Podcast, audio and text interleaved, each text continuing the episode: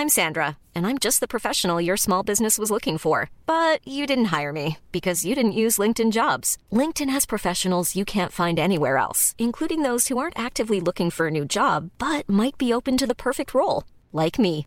In a given month, over 70% of LinkedIn users don't visit other leading job sites. So if you're not looking on LinkedIn, you'll miss out on great candidates like Sandra. Start hiring professionals like a professional. Post your free job on linkedin.com/people today.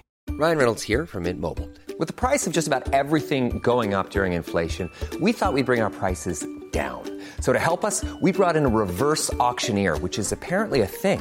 Mint Mobile unlimited premium wireless. Ready to get 30, 30, bit to get 30, bit to get 20, 20, 20, bit to get 20, 20, bit to get 15, 15, 15, 15 just 15 bucks a month. So, Give it a try at mintmobile.com slash switch. $45 upfront for three months plus taxes and fees. Promo rate for new customers for limited time. Unlimited more than 40 gigabytes per month. Slows. Full terms at mintmobile.com.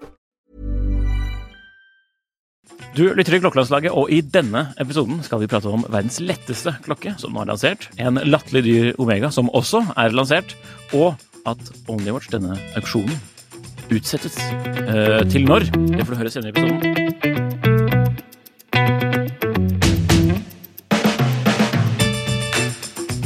Ja, Jon Henrik. Eh, I dag er det årets første snøfall, i hvert fall på det store Østlandet. Og jeg har glemt å ta på meg klokke. Ja, jeg har på meg klokke, men jeg har ikke tatt på vinterdekk, så det får vi prøve å fikse etterpå. Jeg vet ikke hva som er verst, altså. Er... jeg, glemmer aldri å ta på meg klokke. Det er et unikum, det her. Så ja, ja. Eh, Onlywatch, da. Denne auksjonen. Du har, gitt en, du har gitt en kort recap i nesten hver episode nå i det siste. Men Så jeg syns at du kanskje burde starte med det nå. Ja. Nei, det er en årlig veldedighetsauksjon Nei, årlig Nå, var det feil, faktisk. Det er en uh, biannual, altså annethvert år. Ja. Um, annethvert år så arrange- arrangeres en veldedighetsauksjon. Um, som de hevder, i hvert fall, er til inntekt mm. for, uh, for forskning på muskeldystrofi. Um, Klokkebransjen har pleid å stille ganske mannsterke der, og donere klokker som blir laget i ett eksemplar. Det ligger jo litt i navnet på på auksjonen her, Only Watch. Um, altså en piece unique som ikke eksisterer, um, som det ikke eksisterer flere av. Jeps. Så ikke helt overraskende så har det blitt en del um, oppmerksomhet rundt, rundt denne uh, auksjonen. For det er jo ja, det er jo Patek Philippe, det er Tudor, det er um, store navn, da. Og også noen litt mindre navn, selvfølgelig. Så, men i år har det jo vært litt uh, annerledes enn det det har vært tidligere. For uh, det var jo noen uh, klokkeinfluensere, skal man kalle det det, eller klokkesamlere, på, Ja.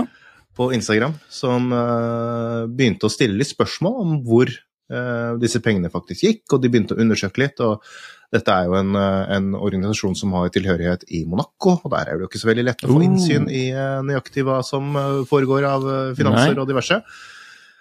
Eh, noe kom vel frem, blant annet det at denne at eh, en av disse selskapene som, eh, som eh, det, noen, noen av disse midlene har eh, gått til, da, eh, er også et selskap hvor eh, arrangøren av On the Watch er en av eh, eierne.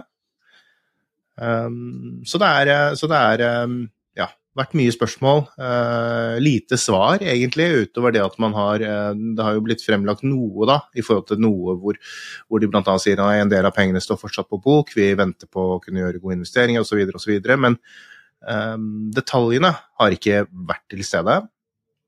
Um, og, og det var jo litt komisk for uh, forrige uke, når uh, samme dag som denne forrige episode gikk live, så, så kom det jo ut en, uh, Ja. en kommentar. Og den husker jo kanskje du bedre enn meg, Nikolai? Eller har du skrevet Ja, fordi jeg har puttet den i dokumentet vårt, så I hvert fall deler av den. Så med overskriften om at, at arrangementet, eller auksjonen, da, hvilket i realiteten er, utsettes til 2024, dato ikke fastsatt enda, Nei. så kommer de med detaljene at eh, de trenger tid på sertifisering, eh, changes in governance, hva det heter på godt norsk, er uvisst, men ja. Og at de ikke rakk det før eh, auksjonen nå. Ja. Og de har ikke lyst til å De skriver at we cannot bring ourselves to cast doubt on the sincerity of the commitment of all the parties involved in this project. Nei. Så da vil de gjøre om. Hvert fall, Mm. da vil de, de prøve å skaffe den infoen som eh, folket forespør. Mm. Og da avventer de, Mm. rett og slett. Nei, det blir Ja. spennende å se. Vi får se. Ja, det, altså, ja. ah, det viser jo i hvert fall at det har vært eh, at det, det har vært muligheter for forbedring her i åpenheten. Det er- la- later det ikke være noe tvil om. Um, så får man se hvor mye som har vært utelatt, eller, og hvor mye penger de har brukt på hva. og ja. Det er- en åpenbar interessekonflikt her, og, og Men jeg syns det er litt, kanskje litt tidlig å, å, at folk kommer og frem med høygaflene, som en del i kommentarfelt og diverse Ja. på, på Instagram. Det er liksom typisk. eh, Det har også vært rettet litt sånn kritikk mot eh, mot hva skal jeg si, klokkemedier og sånn som har skrevet om disse auksjonene frem til nå. Og at liksom ingen har stilt noe spørsmål um, ved det. Um, jeg syns det er litt mm, Jeg sliter også litt med de som går veldig nå i bresjen for liksom at dette her er bare prøver, de, de går litt hardt ut, da, en del av de som eh, kritiserer det. Liksom de er, det er ganske Hinter går vel ganske langt i å si at det er banditter, og, og, og også at alle er skyldige. altså som har skrevet, skrevet om det, og liksom at de har blitt båret frem av bransjen osv. osv. Men det er, eh, det er jo en ganske sånn hva skal jeg si, en privat historie som ligger også bak eh, denne eh, etableringen av denne auksjonen. De som startet den, var jo heller ikke hva skal jeg si, bare noen noen tilfeldige mennesker som, som dukket opp av intet. Det, var, det er folk som har arrangert Monaco Yacht Show tidligere, Um, og var med å etablere det. Uh, og hvor også um, deres sønn led av denne sykdommen. Han døde jo nå for noen år siden. Så jeg skjønner på en måte det at man kanskje ikke gravde for mye i det sånn sett. Uh, for klokke, vi som skriver om klokker, så er jo dette et interessant fenomen, denne auksjonen, hvor uh, egentlig mest fokus er på klokkene. Det er jo sånn som det stort sett er Uansett når man hører at disse klokkemerkene sponser ditten og datten, om det er hesteshow eller om det er veldedighetsgreier, eller altså Let's be real, det er klokkene vi syns er spennende. Ikke det, at, ikke det at de prøver å ha, være, vise corporate social responsibility og, og liksom bry seg om ting. Det, jeg tror de fleste klokkentusiaster er ganske sånn ensporet fokus på det. Um, og jeg tror også, jeg stiller meg også veldig tvilende til at disse kjøperne at det er Nei, de, de kjøper bare for å støtte en god sak. Altså, come on, det kan man gjøre på veldig mange andre måter. Så det er vel heller bare kanskje det at hva skal jeg si, klokk, kanskje den, men kanskje den klokke klokkepassion for klokker har kommet litt i veien for, uh, for ellers at man har hatt litt skyggelapper pga. Ja. det, og, og når det har vært så store aktører som har gått gode for det. Så, men det blir spennende å se hva de klarer å, å, å grave frem av dokumentasjon og, og redegjørelse for hva det er, um, hva som har um, skjedd. Um, så får vi se om det går an å redde det inn på, på en eller annen måte. Det er jo helt åpenbart at det er ting som burde vært gjort på en ryddig måte, Uh, men det er også en avstand altså, Det er ikke nødvendigvis man kan sette likhetstrekk mellom det og at man er bandi- banditter og har um, lina lommene med, med dollars. Så Mm. vi får se. Apropos Genéve, da, for at denne auksjonen foregår i Genéve, til tross for at eh, den er Monaco-basert. Det er straks tid for auksjoner som øh, øh, denne altså OnlyWatch ville jo vært eh, en del av denne samme helgen, eller kanskje ikke akkurat samme, men en av de samme helgene. Det ville vært lagt til dette, ja, en av disse datoene. Uansett, auksjonssesong. Vi har vært litt inne på det før, men vi prøver oss igjen, for nå har jeg i hvert fall uh, plukket ut én klokke som jeg også har skrevet om for Kapital. Um, Og det er jo Marlon Brandos GMT Master fra Apokalypse nå, utropstegn. Um, vi har sett den før, den har vært til salgs før, og nå er det vedkommende som kjøpte den, som selger. Han kjøpte den i 2019. Markedet var jo annerledes øh, enn nå, for uh, siden 2019 så fram til 2022 så var jo klokkemarkedet helt uh, crazy. Mm. Og nå har det gått litt ned igjen, men vi er fortsatt høyere enn i 2019. Ref. kronepuls, som vi snakket om forrige episode. Mm. Uh, Denne gangen tror jeg prisestimatet er sånn 0,2 millioner dollar, altså 200 000 dollar, så det er mye penger det òg, da. Høyere enn forrige gang. I hvert fall sånn eh, om man regner bare liksom i kroner, holdt jeg på å si. Fra dollar til Nei, fra sveitsfrank til dollar. Det er, det er en, og, det er fra 1 til 2 millioner sveitserfranc. Det er typ 25 millioner kroner av maks. Eh, Det er jo jævlig mye kroner. Beklager å banne, men det er jo sinnssykt mye penger. Eh, for en GMT-master uten besel, for den klokken får du jo under 200 000 på kroner, liksom. Altså ikke Mm. den, men en med besel. For at eh, Marlon Brando han fjernet jo beselen på denne her, hvis man ikke kjenner historien. da. Han spilte jo denne gale obersten Kurtz i Apokalypse Mm. nå. Eh, spilte mot Martin Sheen, som da hadde på seg 6105 Psycho, da, som hmm, kanskje kulere? Hmm. Mm. Uh, versus evil. ja. nu vel. Um, så det. Hvis noen har lyst på den, så må du bare by.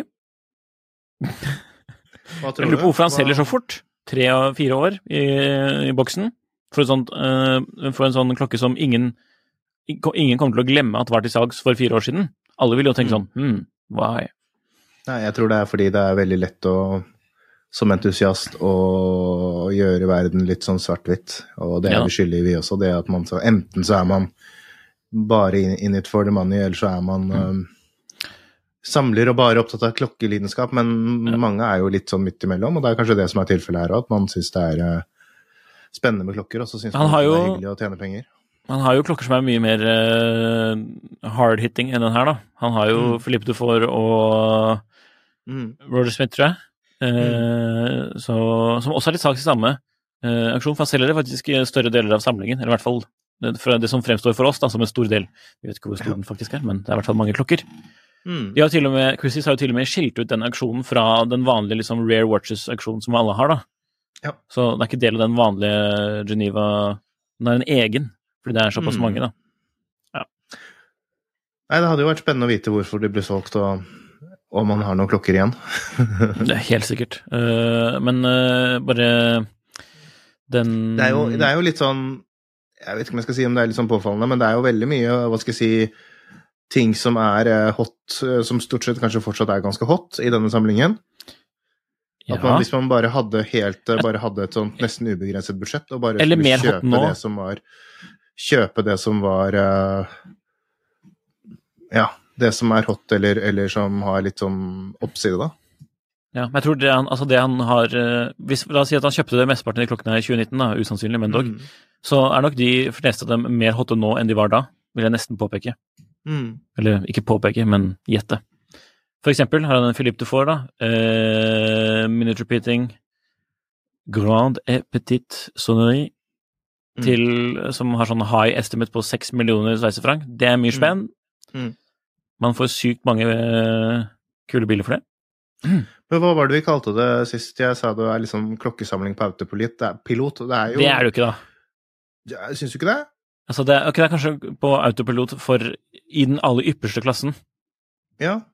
Det er en eh, Ja, ja, men det er det jeg sier. Hvis du har ubegrenset budsjett, og så skal du bare kjøpe det som er eh, eller, eller er det fordi Christies bare vil selge de tingene? Det vet sikkert Det du kan bedre godt hende. meg, Det kan godt hende. det fungerer. Ofte er det sånn at uh, man Tror du det er du- Tror du alle de det- mer eksotiske tingene Jeg beklager, nå, nå skylder jeg faktisk på at jeg avbrøt eh, på grunn av dårlig linje her, for at eh, vi driver og oppgraderer Ja. wifi på huset.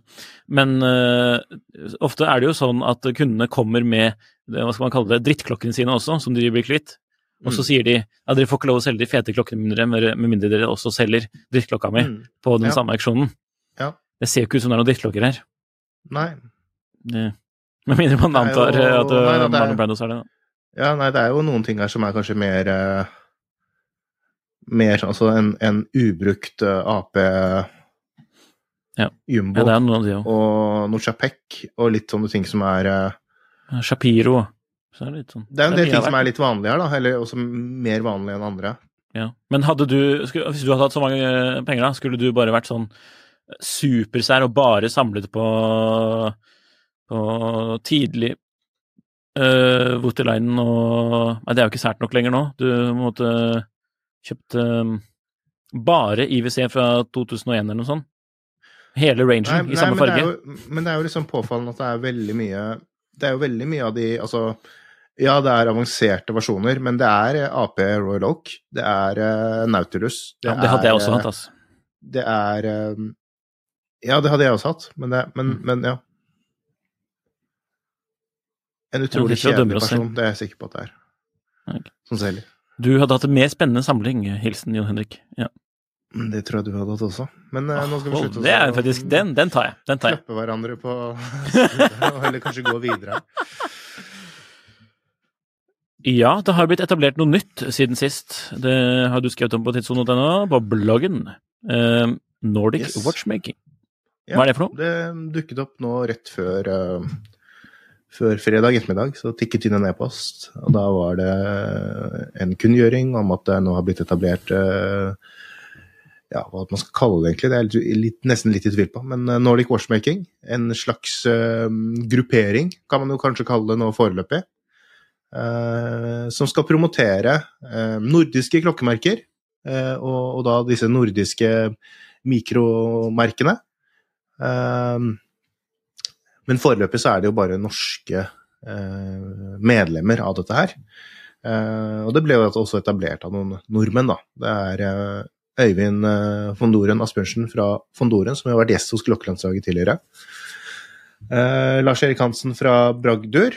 Han har vel også snakket med henne på Oslo Soppmeet og Ja. diverse, hvis man har lyst til å gå tilbake og se på, Opptil flere ganger. på videoen derfra. Uh, Alexander Brenn fra Aigi. Han snakket vi med på Jeg var I hvert fall. Gjorde vi ikke det? Ja. Ja, Jeg tror i hvert fall, eh, i hvert fall uh, Hvis man går tilbake og ser på enten også dette Østfold Watchmeet Østfold, Mm. var vi også noe eh, Hadde vel også noe med de, noen bilder og sånn. Vi, vi, vi har i hvert fall pratet med dem, om ikke på luften. Nei. Eh, de skal ha sitt første arrangement nå i eh, denne måneden, faktisk. eh, allerede nå om to uker, 15. november. Mm. eh, I Trondheim.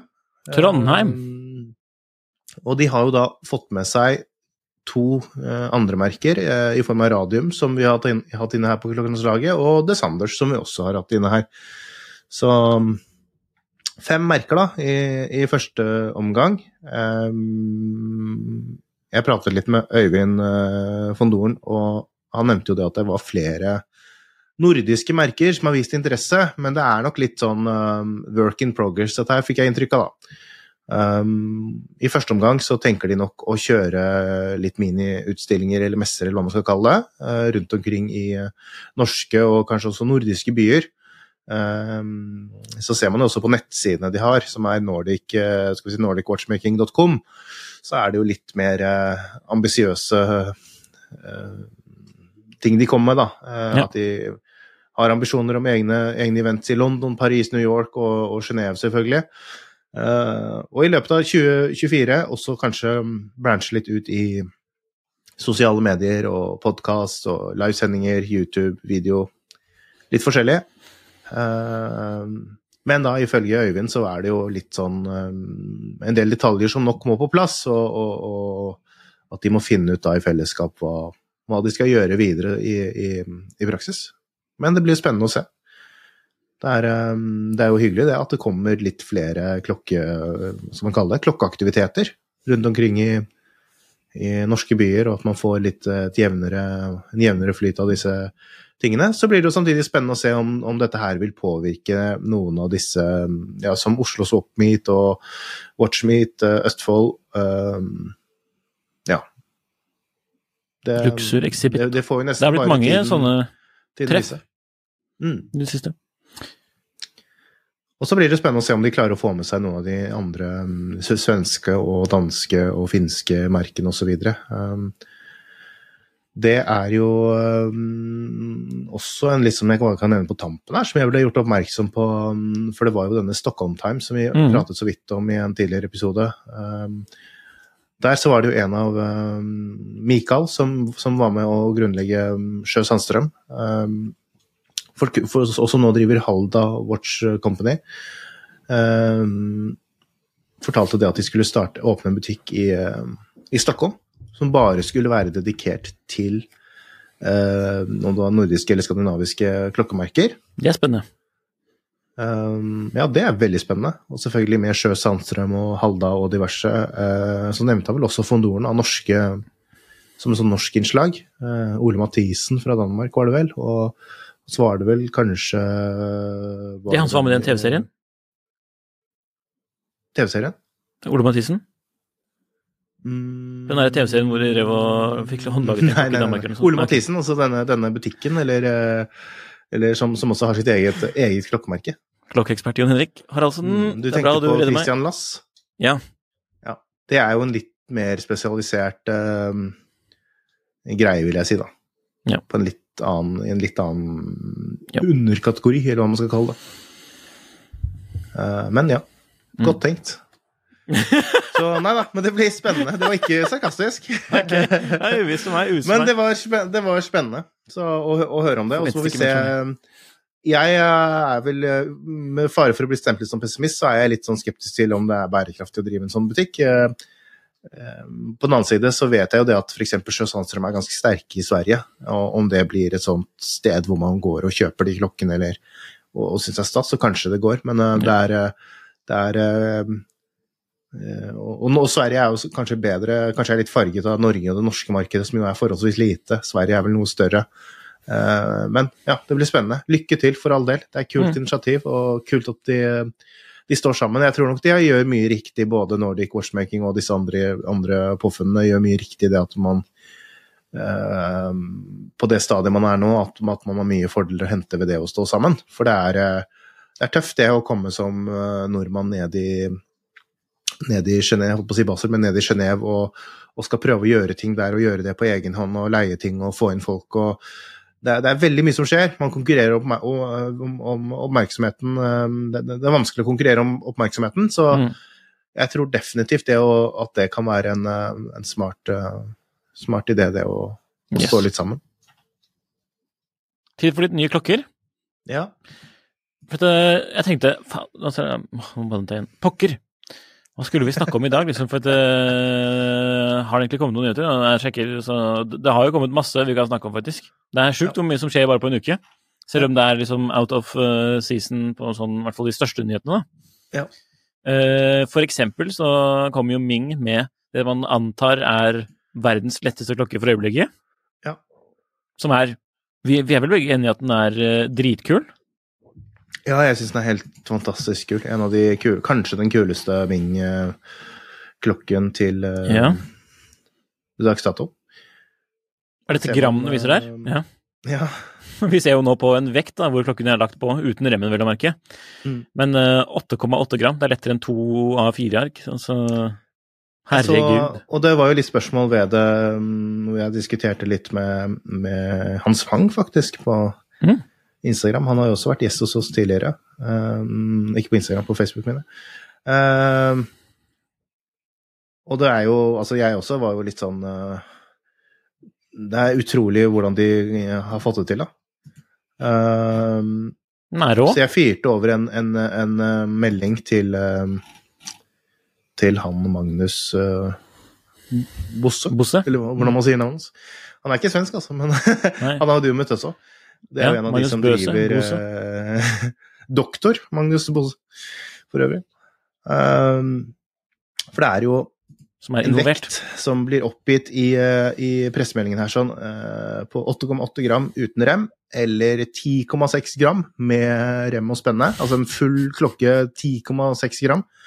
Eh, til sammenligning så veier jo denne, denne eh, Nadal uh, Richard Mille-klokken RM 2701 uh, nesten det dobbelte. 18,8 Ja. gram. Eh, den er vel mer, mer komplisert og mer mekanisk attraktiv, men, men still. Mm -hmm. Vi er nede på sånn helt sinnssyke sinnssykt lav vekt. Eh, og dette her var jo selvfølgelig da til på 8,8 gram. Det er da for denne mm, manuelle versjonen, for de tilbyr faktisk også en automatikkversjon hvor vekten stiger med 2 gram.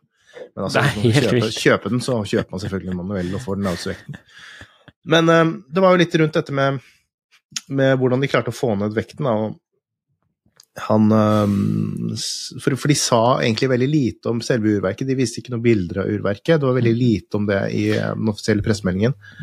Men eh, Magnus eh, sa det at de bruker et av, et av 2000, som er et veldig knøttlite Mhm. urverk. For det er veldig lite, Eh, veldig lite i forhold til urkassen, kan man også si. For det er vel det man kan skimte gjennom skiven. Yes. yes. Og denne urkassen er jo på en måte gjort i gjort i um, tre deler. Det er på en måte en slags verkholder som også fungerer som en slags skive. Um, og så er det en, hva skal jeg si, et sånt bakstykke, eller, uh, eller som, som, denne sitter oppi da, på en måte, og så er det en, uh, en, um, en besel. Uh, og så er den laget av en legering som heter uh, Nå må jeg se her uh, AZ31, som, som er mm. magnesium, aluminium, sink og mangan som blir levert av Smiths High Performance i, um, i, uh, Storbritannia, som er en sånn leverandør til um, jeg tror det er mye Formel 1 og diverse sånne ting. da. Mm. Um, skruer av kompositt, ikke sant, og altså peak kompositt. Uh, det er um, uh, ja. Uh, ikke vanlig safirglass. Det er Gorilla Glass, som er samme som er på mobiltelefoner. Liksom. og ja og sånn. Så det er jo gjort noen litt sånn utradisjonelle valg, da. Men uh, jo, tilbake til urverket. Um, som levert fra ETA, så forteller han at urverket veier egentlig bare 5,89 gram. Og så har jo Schwartz ETN, som er det selskapet som Ming nå jobber sammen med, har uh, prøvd å gjøre litt ting for å, for å lette det opp, da. Uh, som ikke har vært helt lett, fordi noen av disse mekanismene og ting For de skulle fjerne kalendermekanismen, blant annet, for den har jo ikke noe datovisning. Men uh, der er det deler av denne kalendermekanismen har også hva skal jeg si, en sånn strukturell rolle. da, At den holder ting på plass Sammen, og holder ja. ting stødig. Um, så de måtte lage en ny uh, bro, blant annet. og for den automatiske versjonen sier han, så kom de da ned til en vekt på 5,72 gram.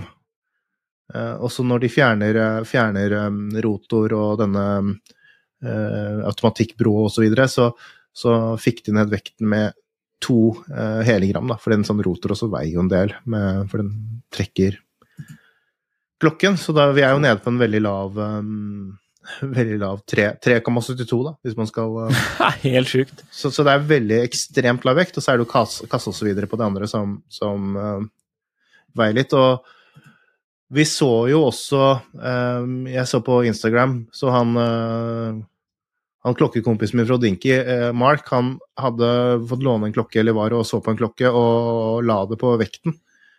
Um, der ble det riktignok litt høyere vekt, istedenfor 8,8 så ble det 8,9.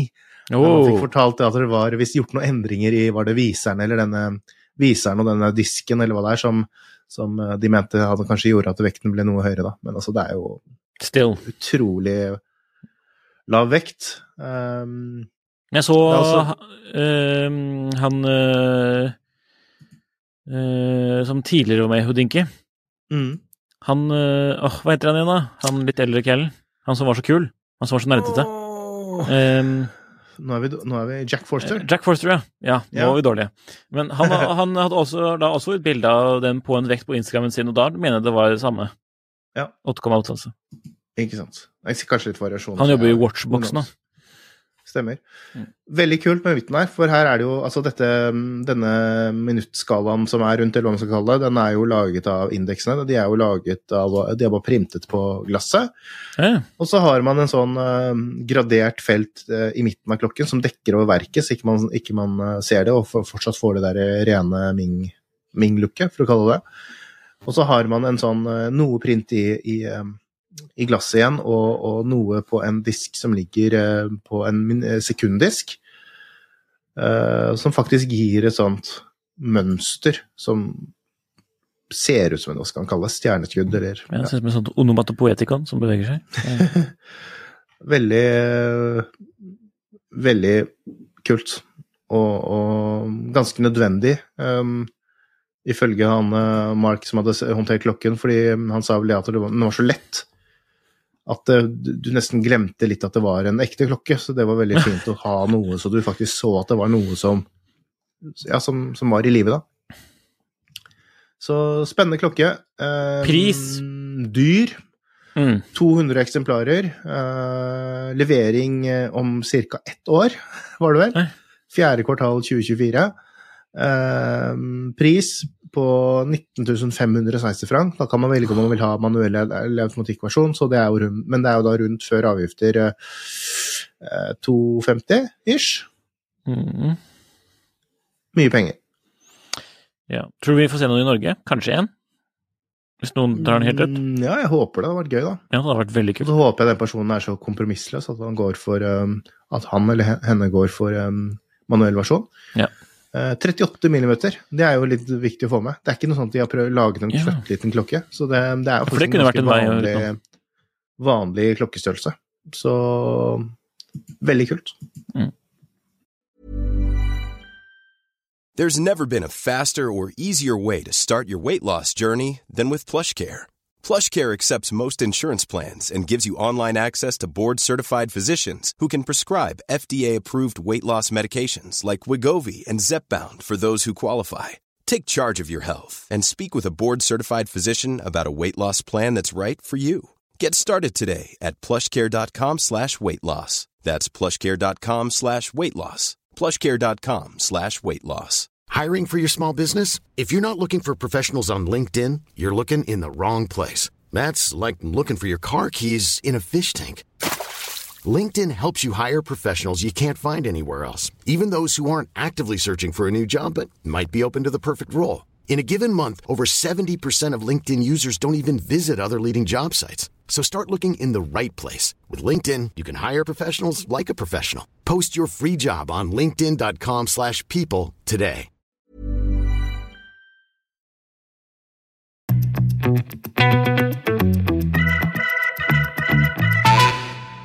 Fra dyrt til dyrere.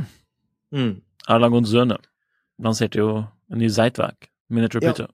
Honey Gold. Yes. Det er vel egentlig, og nyheten ligger jo i navnet. Ja. Uh, Det er Honey en. Zeitwerk miniature repeater i uh, legeringen til lange som heter Honeygold, som eh, er hardere enn vanlig gull. Og flott å se Eh, på. Utseendemessig kanskje litt sånn mellom det man tenker på når man tenker på roségull og når man tenker på gult gull. Ja, jeg, jeg synes det, det kunne nesten vært en mellomting mellom uh, altså gult gull og hvitt gull. Ja, kanskje. kanskje. Kanskje. Mm. For den er litt sånn, Den er litt sånn den, blek, på en måte, eller litt sånn Ja. um, kaldere. Mm. For jeg vet ikke om For, at for roségull er liksom litt varmere igjen. Mm. Men- en sånn men det er liksom- det er kledelig, da. Nei, det er veldig Akkurat som honning. Fantastisk, fantastisk klokke. I 30 eksemplarer. Nei. Pris. ser man gongen rundt her, og så er det hammerne da, som slår eh, Det er gongen, ja. eh, Prisen, ja. Den skal vi droppe det, eller? Lange Ja. snakker ikke om pris lenger. Ja. For det, det er jo De er above det. Og, mm. Eh, men eh, de lanserte jo en, eh, en annen spesialversjon av Sightwerk Mini Repeater i hvitt gull, var det vel, i, i, for, to, for tre år siden. Da kostet det, Den klokken kostet da 449 000 euro, som i dagens kurs er rundt 5,2 millioner kroner. Ja. Prisen har sikkert ikke blitt noe lavere, men det er ikke sikkert den har blitt så fryktelig mye høyere heller. Så rundt 5,5 millioner, kanskje. Ja. Så er det jo folk som lurer litt på hvor eh, Hvorfor det? Hvorfor så dyrt? Um, en vanlig um, seitverk um, uten noen ting uh, ligger nå, så vidt jeg har forstått, på rundt 1,2 millioner kroner. Så da kan man ha det som en sånn et utgangspunkt. Ja. At man er på over, godt over millionen for en helt plain Jane eh, U, ja, det, hvis man kan kalle det det. Mhm. Eh, og på Minute Repeater så er man da oppå en um, komplikasjon som av um, ja, en samlet klokkeindustri anses som eh, man, Altså, man har billige man har billige tourbilloner, man har billige evighetskalendere. Eh, jeg har til gode å se en billig minute repeater. Eh, Mm, For dette er mekanismer som er vanskelig å, de er vanskelig å konstruere. Hvert fall en Det er ekte vanskelig å produsere, det er vanskelig å montere, det er vanskelig å Ja, generelt bare det å ha noe med det å gjøre, da. Mm. Um, og, og spesielt kanskje hos um, Det er som hos, meg. um, hva sa du? ja, vanskelig hva? Så det er, det er jo ting som henger fryktelig høyt, da. Um, og så har man jo denne Altså at man har en, en, en veldig uvanlig eh, klokke i utgangspunktet. Um, Minus repeatere krever mye kraft. Det gjør jo mildt sagt også Zeitwerk for å få til disse Drive disse diskene og få til disse hoppene. Um, det som er vanlig på mange minus repeatere, det er at man ser at de har en sånn uh, Jeg kaller det en slags glidebryter. som også gir kraft til repeaterfunksjonen. Så når man aktiverer repeateren, så, har man, så, så tilfører man energi. Å, kult! Eh, det gjør man ikke på denne her. Denne her er bare en vanlig knapp som man trykker inn. Eh, Men har du- to fjærhøs. Men på den andre, som du brukte som eksempel, kan man Mm. bare trykke den fram og tilbake, og så vil det være samme effekten som å, å, å tviste på kronen? Eh, eh, Det er, det er Du gir kraft til, til Du kan ikke sitte og så Jeg tror ikke du skal sitte og så. Hvis du tenkte å trekke den sånn Ja, sitte, så man skal ikke sitte og flippe med den som en sånn lighter, liksom. Nei, det For de som blir gjør veldig- det, jeg vet ikke noen som gjør det, men du vet, Ja, det tror jeg blir veldig dyrt. og, ja. Det tror jeg, men, men altså Det skal ikke så mye til før det går galt av å gjøre, av å gjøre ting, da. Så ja, det er veldig kompliserte ting, og som skjøre ting. Eh, Lange i klassisk sånn tysk, på tysk vis har jo lagt inn mange sånne idiotsikringer, da. Som at man ikke kan kunne stille klokken når repeateren går. Man, også, man får ikke gjort det rent fysisk, da, og det er forskjellige Mm. ting. Um, um, de har også Ja, og, nå husker jeg ikke faktisk helt Jo, det som er viktig å få med, eh, det var det. Eh, Vanlige miniature-bitere eh, viser jo lydtiden ved hjelp av lydsignaler. Den klinger for timer. Den har et eh, lydsignal for kvarteret, altså hver 15 minutter. Mhm. Og så har den for minutter. Og det er egentlig ganske lite Ganske lite mm, intuitivt å sitte og telle 15 minutter, altså 15, 30, 45, og så plusse på da minutter. Eh, 47, da blir det tre ganger eh, lydsignal for kvarterer, og så blir det to ganger for eh, minutter. Um, Seitverk er jo utgangspunktet en digital klokke, eh, hvor man sier 752, ikke sant?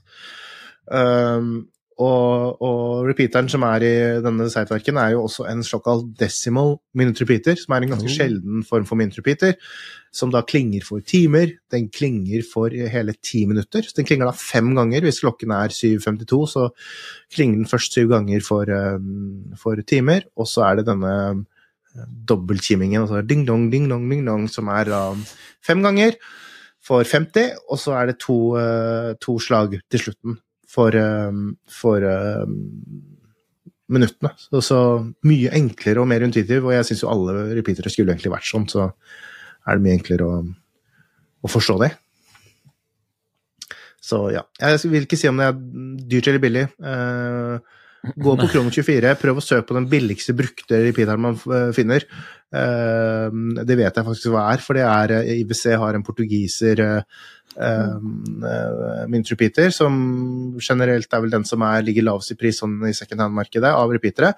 Rett over så er det Jegerli Kult som har en eh, reverso minutrepeater, og så er det ikke Det lages jo ikke så fryktelig mange repeatere, så det er jo liksom noen sånn, og så er det jo litt sortert etter hva eh, Ja, hvordan det ser ut, er jo sikkert noe av eh, av det, men, men også litt av hva skal jeg si, det går litt på kvaliteten. Eller sånn, altså ikke noe tenker jeg også på driftssikkerhet, sånn, jeg tenker litt på håndverks... eh, hvor håndverksmessig utført den er, da. Ja. For, for IWC sin, er den inhouse, eller det er kanskje modul, da? Ja, det er, eh, det er åh, Jeg husker ikke. Altså, alt er jo altså de, de, de tar jo som regel, og det har de gjort her også, man har Ja. nesten, eller Eller til en viss grad, i hvert fall. Man har et slags uh, eh, fra før, og så Ja. gjør man endringer. Her, er- her er det gjort ganske store endringer da, sånn for å få dette her til å gå opp med fjærhus og diverse. Så Mm. Cool. egentlig litt dårlig beskrevet i forhold til denne, akkurat denne modellen her. Men i IWC-tilfellet så er den nok litt mer sånn modulær tilnærming. Hvor, hvor mye Husker du hvor mye? IWC-en? Jeg tror det er Ja. under millen. Under millen. Det er sånn vi opererer her. Ja, men det er sånn, det er sånn rett under millen et sted, tror jeg. Altså kanskje over millen med moms og så videre, men Mm. sånn i, i prisene sånn rett ut fra kronen, så tror jeg det var Tror jeg det er eh, ja, mellom Ja. Ganske, okay. ganske nært millen, tror jeg. Apropos dyrt, da. Mm. Planet Ocean 600 meter coaxial master chronometer GMT 44 45.5 dark grey. Ja. Den store nyheten. ja. Den store, dustede nyheten til Omega. 284 000 kroner for en keramisk kasse i silikonnitrid. Det er lettere enn vanlig ceramic, da. Mm. Og titanverk, Ja. som du påpekte. Ja, for det er ganske Eh, vesentlig. Det er samme altså, Ja, men også er det sånn der Omega har jo en keramisk GMT fra før, som, har sett gans som ser ganske lik ut med andre farger. Um, Blå? Og disse ligger på rundt 150 ish, og de har hatt i en del år. Uh, var sikkert billigere da de ble introdusert, men uh, rundt 150 ish nå, og så kommer den her til nesten et dobbel pris. Um, grunnet ting som de fleste ikke har noe forhold til, og ikke kommer til å forstå. Nope. Uh, og jeg sier heller ikke at det er berettiget å sette opp den prisen, for det er jo helt idiotisk. Altså helt idioti å, å, å prøve å selge inn noe sånt som dette her. Nei, det Um, blir deppa. Kassen er keramisk, men som du sier, det er en annen type teknisk keramikk. Eh, Som kanskje er vanskeligere å lage, eller det er første gangen de har gjort det i, i en, i en klokker, sånn kanskje. For det, jeg leste at uh, som dette her. Ja. Jeg leste at de brukte det i, i ball bearings, som på godt norsk er um, kulelager. Ja. På, eksempel i sånne i dyre sykler og sånn. ja, ok. Ikke vanlig. eh, Nei. For det er ikke vanlig med keramisk sånne Det er vel bare stål, liksom. Så de klumpene i de Men det er kanskje å lage, eller enklere å lage sånne baller enn det er å lage en kasse. Ja, det kan man jo anta. Eh, men, Men, uh, ja, ja, svinedyrt altså- anyways, da. Ja. Det er ingen, det, det, for folk flest, da. Det, det, det, man ser, er to forskjellige keramikk i to forskjellige farger. Ja. Som er litt lettere. Uansett så blir ikke denne klokken lettere enn en uh, annen populær modell, som er denne Bond uh, SMP, altså Speedmaster, Speedmaster Seamaster eh, Professional 300 James Bond, den eh, No Time To Die, eller er det ikke den heter? Um, I um, titan er jo lettere enn denne klokken her på um, så- Ikke sant?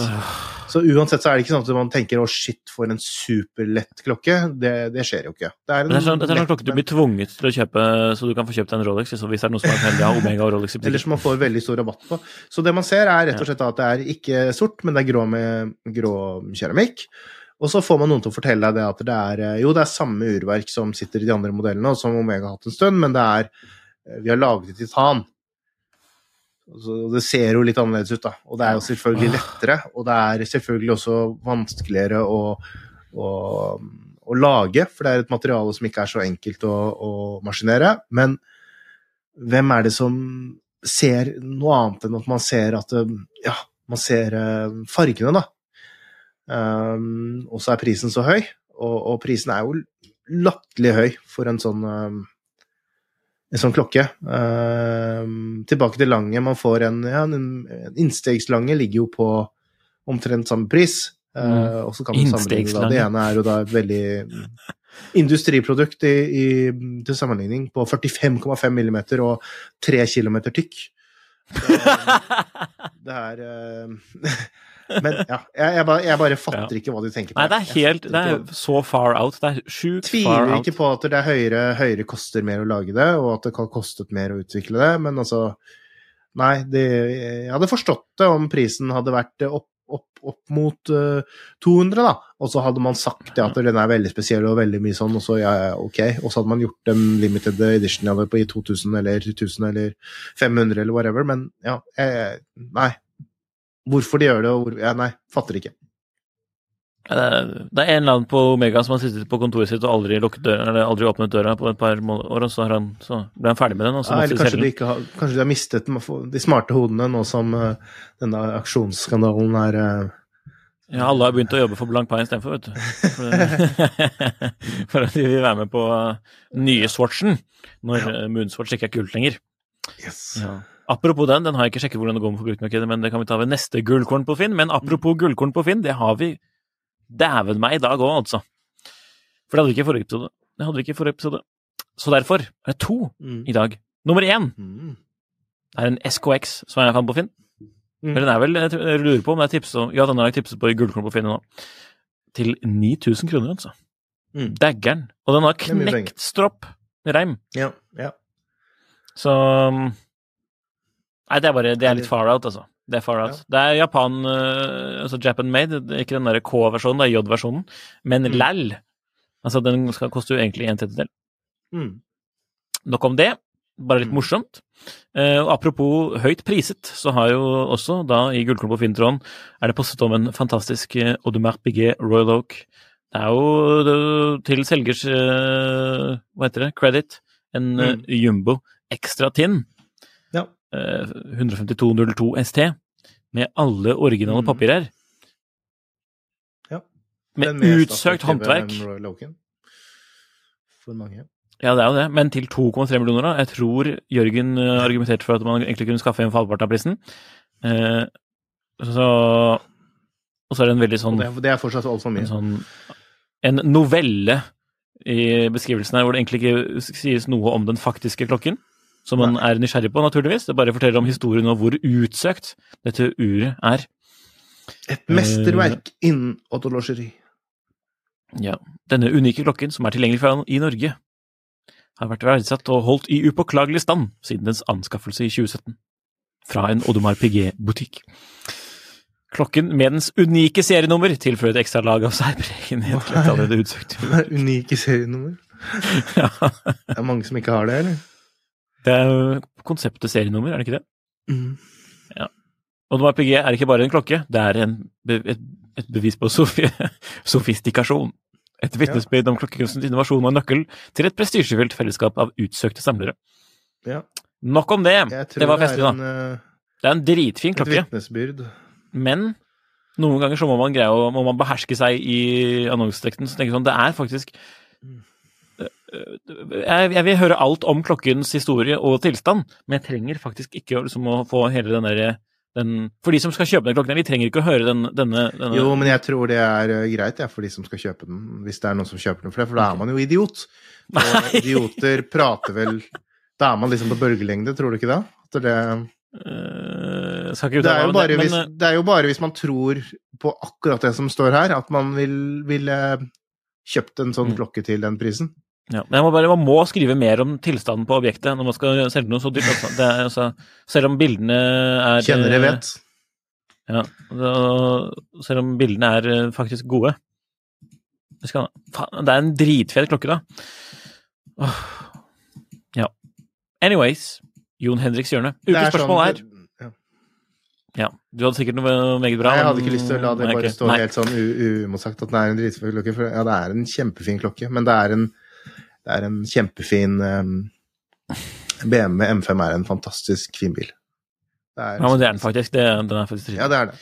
Ja. Den er. Morten som spør. Mhm. Hvor viktig er urverket for entusiasten? Kan man digge Seigo og billige kinaverk? Spørsmålstegn. Ja, da tror jeg det er um, Da kan jeg for, for det første kan jeg ikke tale på vegne av alle entusiaster. Åh. Men eh, Og det er det ingen som kan gjøre om, eh, om noen ting. Bare så man vet det. Uansett hva det er, så må man bare snakke for seg selv. Og så kan man være enig og Det er jo derfor spalten heter Jon Henriks hjørne. Ja. Ja. Så jeg får svare for meg. Um, hvor viktig er det? Det er um, Det kommer helt an på kontekst, tenker jeg. Eh, det er viktig, men det er viktigere, det er viktigere at det er konsistent med den totalpakken man har, enn urverket i seg selv. Eh, og med det så mener jeg at det kan godt være et billig etaverk i en eh, Et billig etaverk Altså, altså en, en rimeligere etaverk i, i en verktøyklokke. Og et eh, billigere Seigo-verk i en, en, eh, også en klokke som er, eh, hva skal jeg si, mm, til sitt bruk, da. Men bikker man over at det blir for dårlig, så er det klart at det mm, Og da tenker jeg dårlig i form av det at det kanskje er lite pålitelig, at det er, at det er veldig upresist. Så er det klart at det er viktig at ikke det Men, men jeg, for meg så tenker jeg egentlig kanskje mest sånn at det er veldig Altså um, Jeg bryr meg ikke så veldig mye om uh, hva folk sier om det, eller at man har, at man har alltid en eller annen urmaker eller en eller annen som er det Og det, og det syns jeg det er veldig mye Hva skal jeg si Det er um, litt sånn trynefaktor, på en måte. At det er um, man sier liksom at innholdsverkene det, og det er bra, og da er det kanskje bare fordi man antar det, eller fordi man liker merket, eller at merket har så høy standing at man bare godtar det, eller altså hvor det kan være feil, ikke sant, og så har man andre ting hvor det har vært tilfeller i, um, Eh, hvor også dette med hvordan merkene håndterer sine AD-er og sine verksteder osv. Ikke sant, med at det har vært vanskelig å få deler. Vært, altså, og så kan det påvirke litt med hva en eller annen urmaker Og så er det en eller annen som har hørt en eller annen urmaker si at nei, det er dårlig verk, og så er det fordi han er sint, sint på merket fordi de ikke har klart å få Ikke, ikke blir autorisert som serviceverksted og får ikke tak i deler osv. Ikke sant. Det er mye sånne Det er så mye Så jeg er jo den oppfatning at de fleste eh, klokker som man kjøper eh, fra et ok merke i dag, det er av en kvalitet som er stort sett eh, akseptabel. Um, og hvis ikke, så er man så godt, uh, godt, beskyttet som kjøper at det tror jeg liksom er noe man ikke skal tenke så veldig mm. mye på. Uh, men det er jo viktig på et mer generelt grunnlag, så har jeg inntrykk av at det er veldig mange som er opptatt av dette her med inhouse-verk fortsatt. At det er veldig viktig for en del. Uh, jeg, er så, jeg, er ikke så, veldig opptatt av det, egentlig. Jeg er mer opptatt av det om det er uh, Ja, igjen, at uh, pakken, pakken, stemmer overens, da, i forhold til pris og i forhold til det den er tiltenkt for, osv. Men så klart så er det jo også flott å se veldig vakre, vakre eller kompliserte eller, eller spennende urverk. Um, sånn. Så jeg, men jeg, jeg, tenker liksom at det er jeg, jeg, jeg, tror det er Hvis jeg kan gi et svar, da, og da ble det litt sånn mye frem og tilbake her Men ja, det er veldig viktig, men det er ikke noe fasit på men, men, det betyr ikke Men det er veldig avhengig av kontekst, da. Det betyr ikke det at det er bare én type urverk. Nei, jeg skal bare ha uh, KOSK-sertifiserte sveitsiske verk, f.eks. Jeg skal bare ha dekorerte urverk. Jeg skal bare ha inhouse. Um, sånn er det i hvert fall ikke for meg, og jeg ser ikke helt hvorfor det skulle være sånn for deg heller. Ja, men uh, uh, nei. Det er flott, det. Fint svar. Vi tar det. Og uh, Morten tar det. det var egentlig det vi hadde for, eller fra klokkelandslaget i dag. I forrige episode så er faktisk dette var tidssonen istedenfor klokkelandslaget. Men dette er faktisk Klokkelandslaget, en podkast fra Finansavisen i samarbeid med Tidssonen og denne. Uh, og det kommer du til å høre Marius si nå også i denne, det klippet som kommer etterpå. Uh, på slutten av hver episode. Um, stikk ned på Tidssonen sin blogg og les Jon Henrik sine nyeste artikler der, og bli med og diskutere litt. Og så sjekker du klokkeartiklene mine på Kapital og sånn. Det er alltid hyggelig. Uh, og så ses vi neste uke.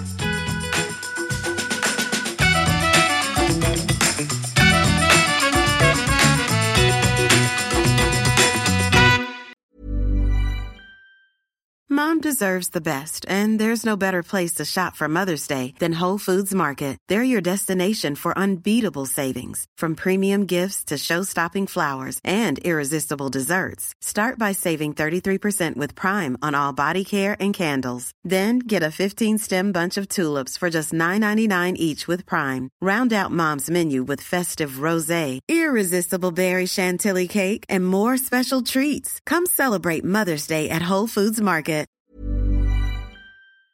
Klokkelandslaget er en Finansavisen-podkast i samarbeid med Tidso. Programleder er Nicolai Giel og Jon Henrik Haraldsen. Produsent er Lars Brenden Skram. Podkast- og videoansvarlig er Marius Mørk Larsen. Og ansvarlig redaktør er Trygve Hegnar.